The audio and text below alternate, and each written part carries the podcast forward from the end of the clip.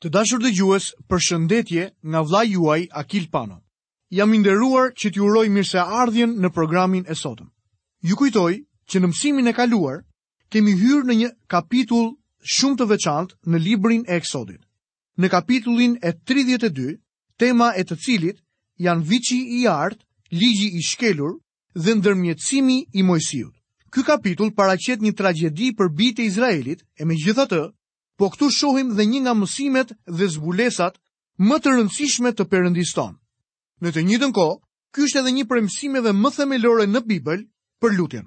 Është kaq dramatike të shohësh që në këtë kapitull bijtë e Izraelit largohen nga Perëndia duke iu dhënë idhujve. E pra ata përdorin atë lloj pasurie që Perëndia i dha atyre në momentin kur ato dalin nga Egjipti, ata e përdorin për të ndërtuar viçin e artë. Le të shohim menjëherë se si ngjarjet vazhdojnë për të filluar studimin tonë sot në këtë mësim në kapitullin e 32 të librit të Eksodit dhe lexojmë në vargun e 7 dhe të 8 të këtij kapitulli. Atëherë Zoti i tha Mojsiut, tani shko, zbrit, sepse populli yt që ti nxorre nga vendi i Egjiptit është korruptuar, U larguan shpejt, janë përdalë nga rruga që unë e kisha urdhëruar të ndiqte. Bëri një viç prej metali të shkrirë, u përkul para tij, i ofroi flijime dhe tha: O Izrael, ky është Perëndia yt që të nxorri nga vendi i Egjiptit. Miqtë e mi, Perëndia nuk e çliroi Izraelin për shkak se ata ishin superiorë, më të mëdhenj apo më të mirë se kombet e tjera. Përkundrazi, Ata nuk ishin asnjë nga këto veti. Perëndia tha, unë e dija se ishit një komb me qafë të fort. Lexoj më poshtë vargjet 9 dhe 10. Zoti i tha akoma Mojsiut, e pashë këtë popull dhe ja, është një popull me qafë të fort. Më lër pra të veproj në mënyrë që zemërimi im të ndizet kundër tyre dhe t'i konsumoj, por nga ti do të bëj një komb të madh. Ky ishte një tundim i vërtetë për Mojsiun. Perëndia po i thotë Mojsi, Unë do të të përdor ashtu siç përdora Abrahamin dhe do të bëj një komb të madh dhe përsëri do të kem mundësi të përmbush besëlidhjen time me Abrahamin përmes teje. Vini re se çfarë bën Mojsiu, ai është shembulli i një prej lutësve më të mëdhenj në të gjithë shkrimin. Le të shohim mbrojtjen që bën Mojsiu. Do të lexojmë nga vargjet 11. Atëherë Mojsiu e luti Zotin Perëndinë e tij dhe i tha: Pse o Zot, zemërimi yt duhet të ndizej kundër popullit tënd që e nxorre nga vendi i Egjiptit me fuqi të madhe dhe me dorë të fortë. Perëndia i kërkon Moisiut të kujtojë. Ai thotë, Moisi, zbrit poshtë, sepse populli yt që ti ke nxjerr nga vendi i Egjiptit është korruptuar. Moisiu i flet Perëndisë. Në fakt fjalët e tij nuk ishin fjalë të shumta shpirtërore që gjen në lutjet e sotme ndër besimtarë. në disa prej lutjeve tona gjen shumë shtirje. Nuk është e çuditshme që shumë prej takimeve të lutjeve të jenë të vdekura. Po të flisnim hapur dhe me ndershmëri përpara Perëndisë, takimet e lutjes do të ishin takimet më të gëzueshme të kishës. Dëgjoni se çfarë thotë Moisiu. Zot mendoj se e ke gabim. Nuk më kujtohet ta kem nxjerr popullin tim nga Egjipti dhe ata nuk janë populli im, por yti.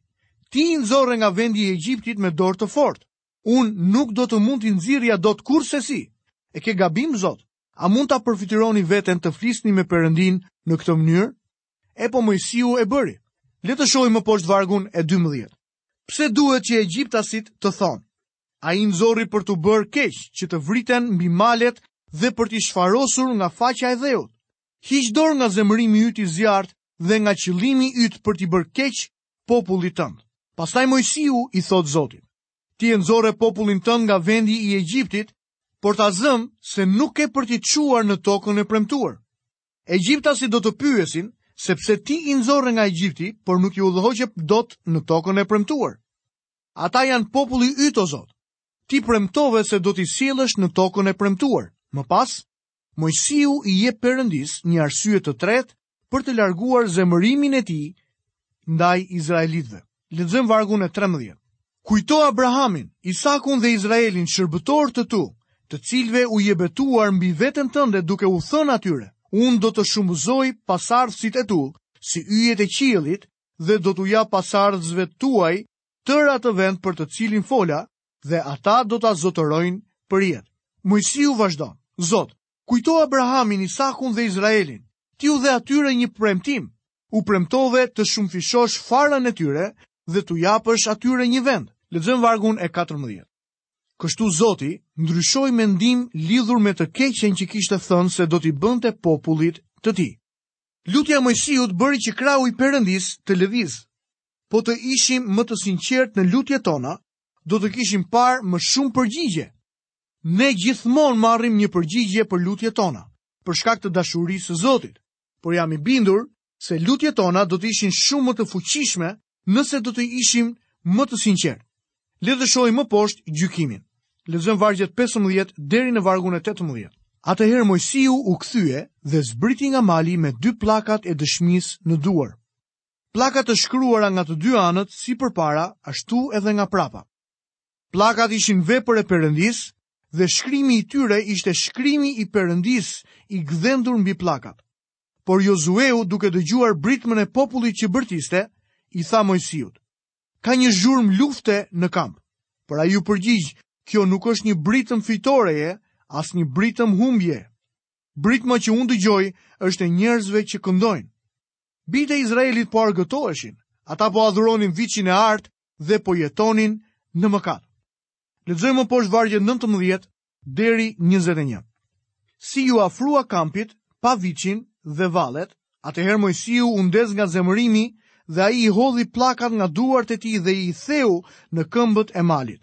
Pastaj mori viçin që ata kishin bërë, e dogji në zjarr dhe e bëri pluhur. Pastaj e përhapi pluhurin në ujë dhe ia dha për të pirë bijve të Izraelit. Pastaj Mojsiu i tha Aaronit, çfarë ka bërë ky popull të cilin e ke ngarkuar me një mëkat kaq të madh? Tani dëgjoni Aaronin që përpiqet t'ia hedh pa u lagur nga e gjithë kjo histori. Po të mos ishte një çështje serioze, do të dilte një skeç shumë i bukur.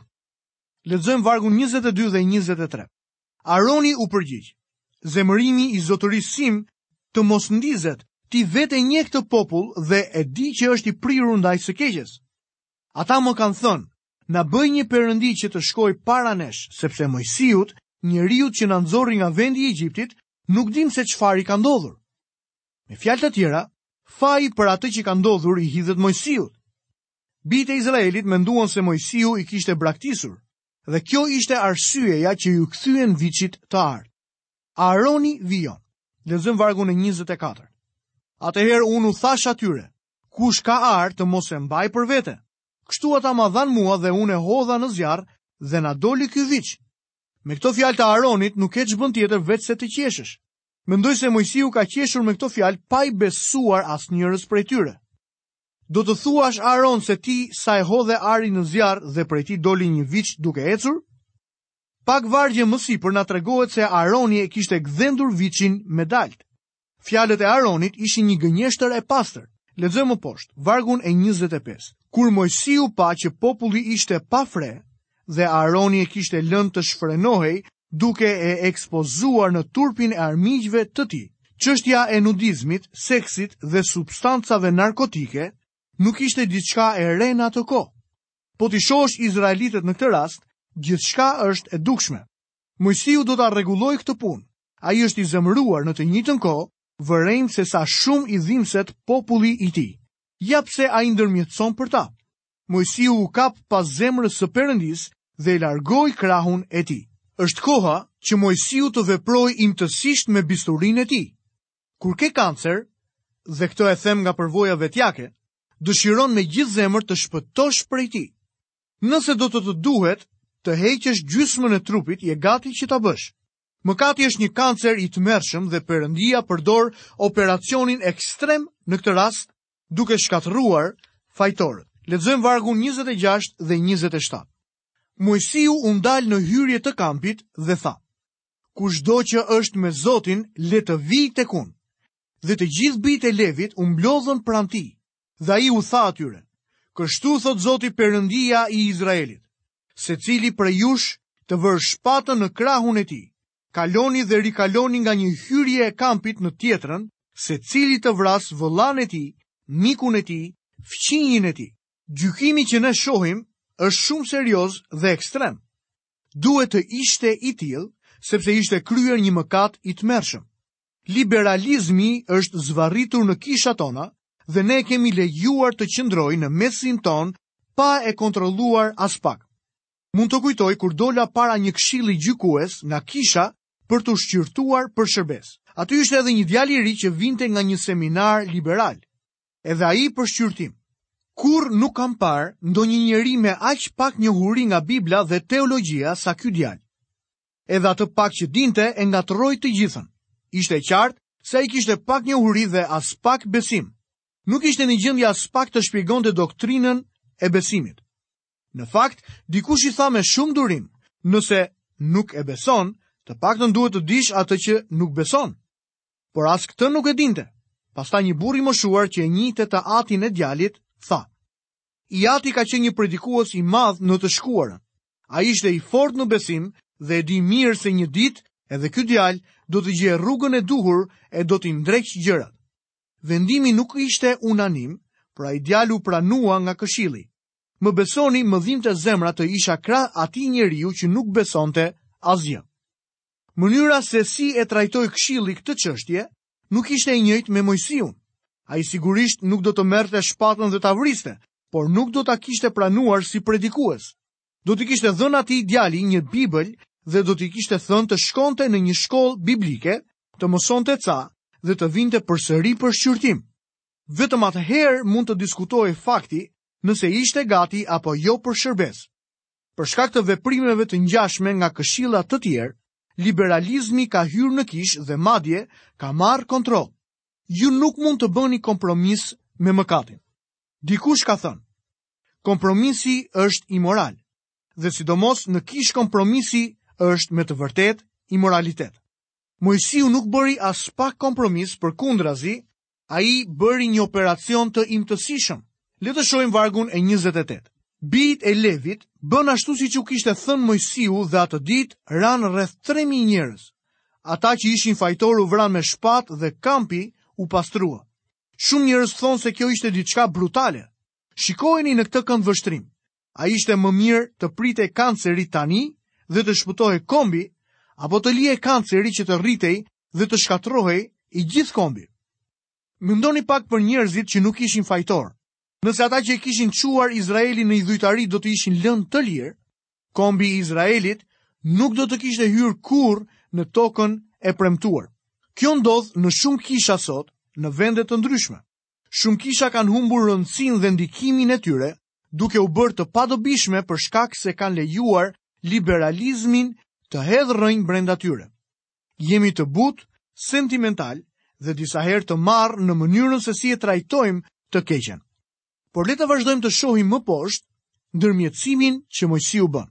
Lexojmë vargun e 30 në kapitullin e 32 të librit të Eksodit. Të nesërmen Mojsiu i tha popullit, ju keni bërë një mëkat të madh, por tani unë do të ngjitem tek Zoti. Ndofta do të mund të bëj shlyerjen për mëkatin tuaj. Shlyerja e mbulonte mëkatin. Kështu veprohej për mëkatin para ardhjes së Krishtit në tokë dhe vdekjes së tij. Pas kryqit, mëkati largohet krejtësisht. Tani Mojsiu jep arsyen e katërt për të çuar bijtë e Izraelit në tokën e premtuar. Lexojmë vargun e 31. Mojsiu u kthye pra tek Zoti dhe tha: Medet ky popull ka kryer një mëkat të madh dhe ka bërë për vete një perëndi prej ari. Çfarë është ky veprim? Ky është rrëfimi. Nëse dëshiron të jesh pranë Perëndisë në marrëdhënie të drejtë me të, do të të duhet të biesh dakord me të lidhur së pari me çështjen e mëkatit. Mëkati është mëkat dhe duhet rrëfyer. Nuk ka rëndësi kush je dhe çfarë ke bërë. Këta janë populli i zgjedhur i Perëndisë, bijtë e Izraelit dhe Mojsiu thotë, ne kemi mëkatuar. Izraeli kishte bërë një mëkat të madh, kishte bërë Perëndi prej ari. Mojsiu e pranoi këtë mëkat përpara Perëndisë. Ne sot duhet të mësojmë prej tij. Duhet t'i rrëfejmë mëkatet tona përpara Perëndisë Gërmë për gërmë. Tregojani Perëndisë me saktësi mëkatin tuaj, pa e fshehur aspak atë. Lexojmë vargun e 32. Megjithatë tani të lutem, falua mëkatin e tyre përndryshe, më fshi nga libri yt që ke shkruar. Mojsiu tha, unë jam pjesë e popullit, identifikohem me ta dhe nëse ke ndërmend t'i shuash vepro kështu edhe me mua, Mbani mend se Perëndia kishte thënë Mojsiut se ai do të përmbushte besëlidhjen e tij me Abrahamin, Isakun dhe Jakobin, duke bërë një komb të madh nga Mojsiu. Por Mojsiu tha, Jo Zot, unë identifikohem me popullin tim. Nëse ke ndërmend t'i shuash, vepro kështu edhe me mua. Vini re se kjo e prek shumë zemrën e Perëndisë. Lexojmë vargun e 33. Por Zoti iu përgjigj Mojsiut. Atë që ka bërë mëkat kundër meje, atë do ta fshij nga libri im. Perëndia merret me çdo individ që mëkaton. Lexojmë vargun 34 dhe 35. Tani shko, çoje popullin ku të kam thënë, ja engjëlli im do të shkojë para teje, por ditën që do të vij për t'i dënuar, do t'i dënoj për mëkatin e tyre. Kështu Zoti goditi popullin sepse kishte bërë viçin që Aroni kishte modeluar. Perëndia merret me çdo individ për mëkatin e kryer. Megjithatë, ai e çoi popullin në tokën e premtuar. Ata që nuk kishin mëkatuar në idhujtarinë e viçit të artë, do të udhëhiqeshin nga engjëlli i Perëndisë. Engjëlli i Zotit në dhiatën e vjetër është simboli i Zotit Jezu Krisht. Krishti para mishërimit të tij. Për shkak të ndërmjetësimit dhe ndërhyrjes së Moisiut, Perëndia nuk e braktisi popullin e tij. Kjo duhet të na mësojë dhe ta bëjë më të qartë rëndësinë e lutjes në jetën tonë dhe shërbesat tona.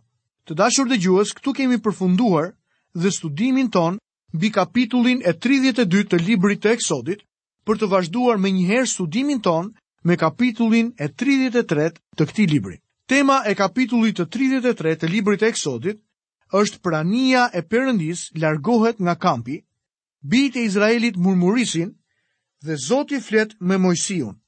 Më poshtë do të shohim Moisiun i cili dëshiron të shohë lavdinë e Zotit. Le të vështrojmë udhëtimin e Izraelit i cili vazhdon më tej. Lexojmë në kapitullin e 33 të librit të Eksodit, vargun e parë dhe të dytë. Zoti i tha akoma Moisiut, shko, ngjitu që këtej, ti së bashku me popullin që nxorre nga vendi i Egjiptit, drejt vendit që u premtova me betim Abrahamit, Isakut dhe Jakobit, duke u thënë, unë do t'ua jap pasardhësve të tu, unë do të dërgoj një engjëll para teje dhe do t'i dëboj kananejtë, Amorejtë, Hitejtë, Perezejtë, Hivejtë dhe Jebusejtë. Perëndia po e përgatit Izraelin për të hyrë në vendin e premtuar. Tek libri i numrave, do të shohim se ata do të rinisnin udhëtimin e tyre nëpër shkretëtirë. Libri i Levitikut është vazhdimi i udhëzimeve për shërbimin në tabernakullin që sapo po ngrihet në librin e Eksodit. Le të lexojmë më tej vargjet 3 dhe 4. Ngjitu drejt vendit ku rrjedh qumësht dhe mjaltë, sepse unë do të ngjitem bashkë me ty, sepse je një popull me qafë të fortë dhe nuk dua të të shfaros rrugës. Kur populli dëgjoi këto fjalë të kobshme, ndjeu një hidhërim të thellë dhe askush nuk vuri stolitë e tij. Këto stoli siç e pamë edhe më sipër ishin pagane. Vathët, për shembull, demonstronin faktin se ata ende adhuronin perënditë e Egjiptit. Vathët ishin shenjë e kësaj gjëje. Kjo është pak a shumë si mbajtja e një kryqi, megjithëse sot është kthyer në një simbol që e ka humbur kuptimin e vet si një shenjë dalluese e një të krishteri. Lexojmë më poshtë vargun e 5 në kapitullin e 33 të librit të Eksodit. Në fakt Zoti i kishte thënë Moisiut, u thuaj bijve të Izraelit, Ju jeni një popull me qafë të fortë. Në qoftë se unë do të ngjitesha edhe për një çast të vetëm në mesin tënd, do të të konsumoja. Prandaj tani hiqni stolitë e tua dhe kështu unë do të di se çfarë duhet të bëj me ty. Kjo është hera e tretë që Perëndia e quan Izraelin popull qafëfortë. Perëndia po ua bën të qartë se ai nuk ka ardhur ta shpëtojë popullin e tij për shkak se janë më superior se të tjerët. Perëndia u kërkon atyre të heqin stolitë dhe shenjat që tregojnë se janë paganë dhe t'i besojnë Perëndisë në çdo gjë. Unë besoj se kjo është edhe arsyeja që pagëzimi në ujë ishte kaq i rëndësishëm për kishën e hershme.